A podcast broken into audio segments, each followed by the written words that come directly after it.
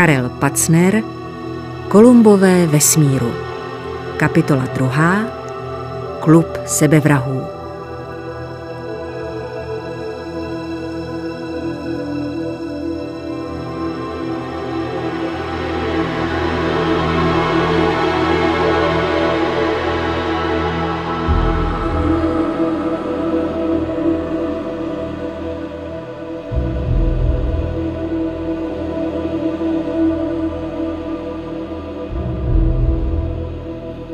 Na podzim roku 1934 se zapsal na studium leteckého inženýrství na Kalifornském technickém institutu v Pasadeně mladý Frank Malina.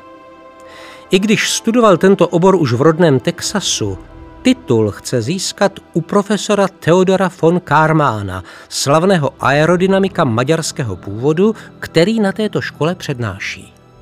Frank Malina, narozený 2. října 1912 v texaském Brenhamu, má v sobě českou krev. Jeho rodiče, povoláním hudebníci, pocházejí z Moravy. Když mu bylo 8 let, vrátili se do rodné země.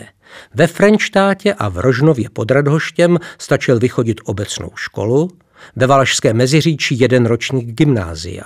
Nezaměstnanost však vyhnala jeho rodiče zpátky za oceán. Zájem o lety do vesmíru ve mně probudil Žil Verne, vzpomínal později Malina. Jeho knihu jsem četl ještě na Moravě a nikdy jsem na ní nezapomněl. Začátkem roku 1936 se Frank Malina obklopuje lidmi se zájmem o výškové sondážní rakety – v březnu 1936 vyslovil von Karman souhlas s tím, že námětem Malinovy doktorské dizertace bude raketový pohon a možnosti uskutečnění raketového letu. Malina se dvakrát marně snaží navázat spolupráci s Godardem. V březnu 1937 dokončuje studii o letových vlastnostech sondážních raket. Von Kármánovi se velmi líbí a slibuje jeho skupince veškerou podporu s výjimkou finanční. Tehdy získala skupina dalšího spolupracovníka, velmi bystrého, graduovaného studenta z Číny Chien Sue Shena, uvedl Malina. Kolektiv, často nazývaný původní raketová výzkumná skupina Kaltech, byl kompletní. V srpnu se nedaří zapálit zkušební raketový motor. Štiplavý kouř zahaluje celou laboratoř, kde smějí po vyučování experimentovat. Studenti jim přezdívají klub sebevrahů. Vedení školy nařizuje, aby se s tak nebezpečnými pokusy z budovy odstěhovali. Nalézají proto útočiště ve stržích pod Sierra Madre. Hluku, který klub sebevrahů způsoboval, si všímají i kalifornské noviny – aby dodali svým reportážím na atraktivnosti, citují Malinovi výroky o tom, že právě rakety vynesou v nejbližších letech lidi do 100 kilometrových nadzemských výšek, do vesmíru. V roce 1940 hledá akademie na žádost velitele vojenského letectva metody usnadnění startu přetížených letadel – v lednu 1939 rozhoduje, že bude financovat výzkum raketového pohonu, který povede von Karman za asistence Maliny a tento úkol dostává název Projekt číslo jedna. Je to první raketový program dotovaný americkým státem. Třeba, že vývoj raket pro letadla zaštítil svou autoritou von Karman, mnozí odborníci jej stále ještě považují za čirou fantazii.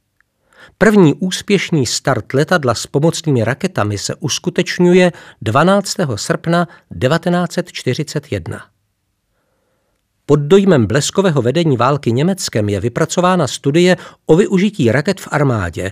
Upozorňuje, že mohou být odpalovány z letadel, tanků a také pěšáky, přičemž zajistí velkou hustotu palby a průraznost střel.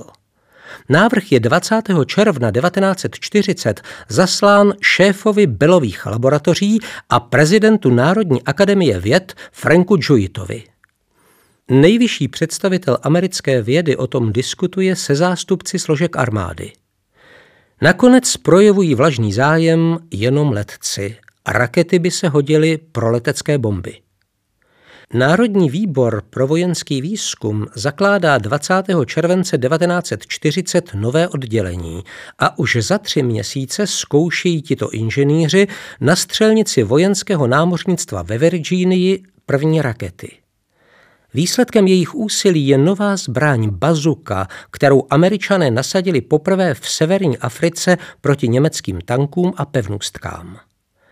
Na jaře 1943 zakládá von Karman se svými žáky Aerojet Engineering Corp, první firmu na výrobu raket ve světě. V létě 1943 předávají spravodajští důstojníci von Karmanovi tři fotografie francouzského pobřeží. Profesorův štáb na nich identifikuje startovací rampy pro rakety takové velikosti, jaké dosud neznali. Na základě toho žádá letectvo Malinu a Čchiena, aby navrhli projekt řízené rakety dalekého doletu. 20. listopadu 1943 jsme odeslali do Pentagonu, napsal Malina, přehlednou informaci a předběžnou analýzu vlastností raket. Von Karman ve svých memoárech zdůrazňuje, je to první americký projekt dálkové rakety. A dodejme, je to také první dokument, který nese v záhlaví název světoznámé laboratoře proudového pohonu JPL. V lednu 1944 objednává armáda u této laboratoře výrobu navržené rakety. Projekt předpokládá vytvoření reaktivní střely, která na vzdálenost minimálně 160 km dopraví nálož těžkou 450 kg, přičemž buď nebude rozptyl větší než 2% maximálního doletu, anebo bude střela směrově ředitelná na dálku.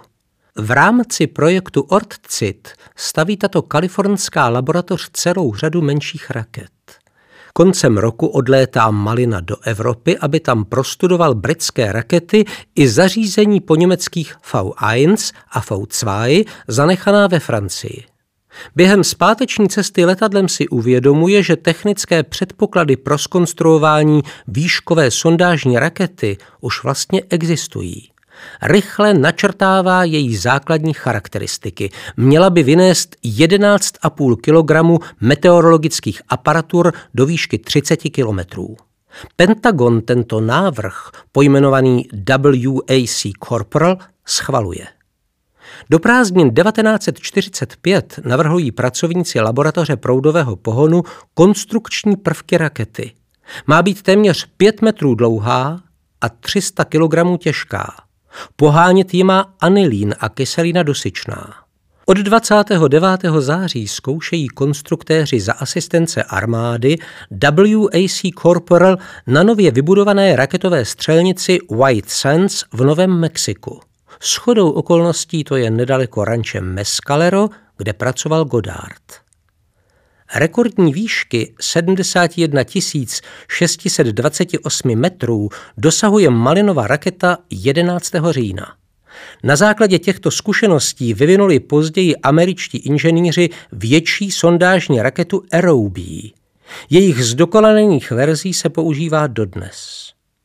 Koncem roku 1946 Malina odchází z funkce ředitele laboratoře proudového pohonu a činnost v oblasti raketové techniky ukončuje. Je to jediný případ člověka, který dobrovolně odešel od raket v okamžiku, kdy se začínají rýsovat nové perspektivy jejich využití. Zřejmě tušil, že v USA je jeho kariéra u konce. V roce 1953 ho výbor pro vyšetřování neamerické činnosti v nepřítomnosti obvinil, že nepřiznal své členství v komunistické straně, když vyplňoval bezpečnostní dotazník. Byl mu proto odebrán pas. Začátkem 70. let mě Malina vysvětloval svůj odchod propagandistickou frází. Chtěl jsem pracovat pro mír. Nechtěl jsem vyrábět rakety, které by nám padaly na hlavu.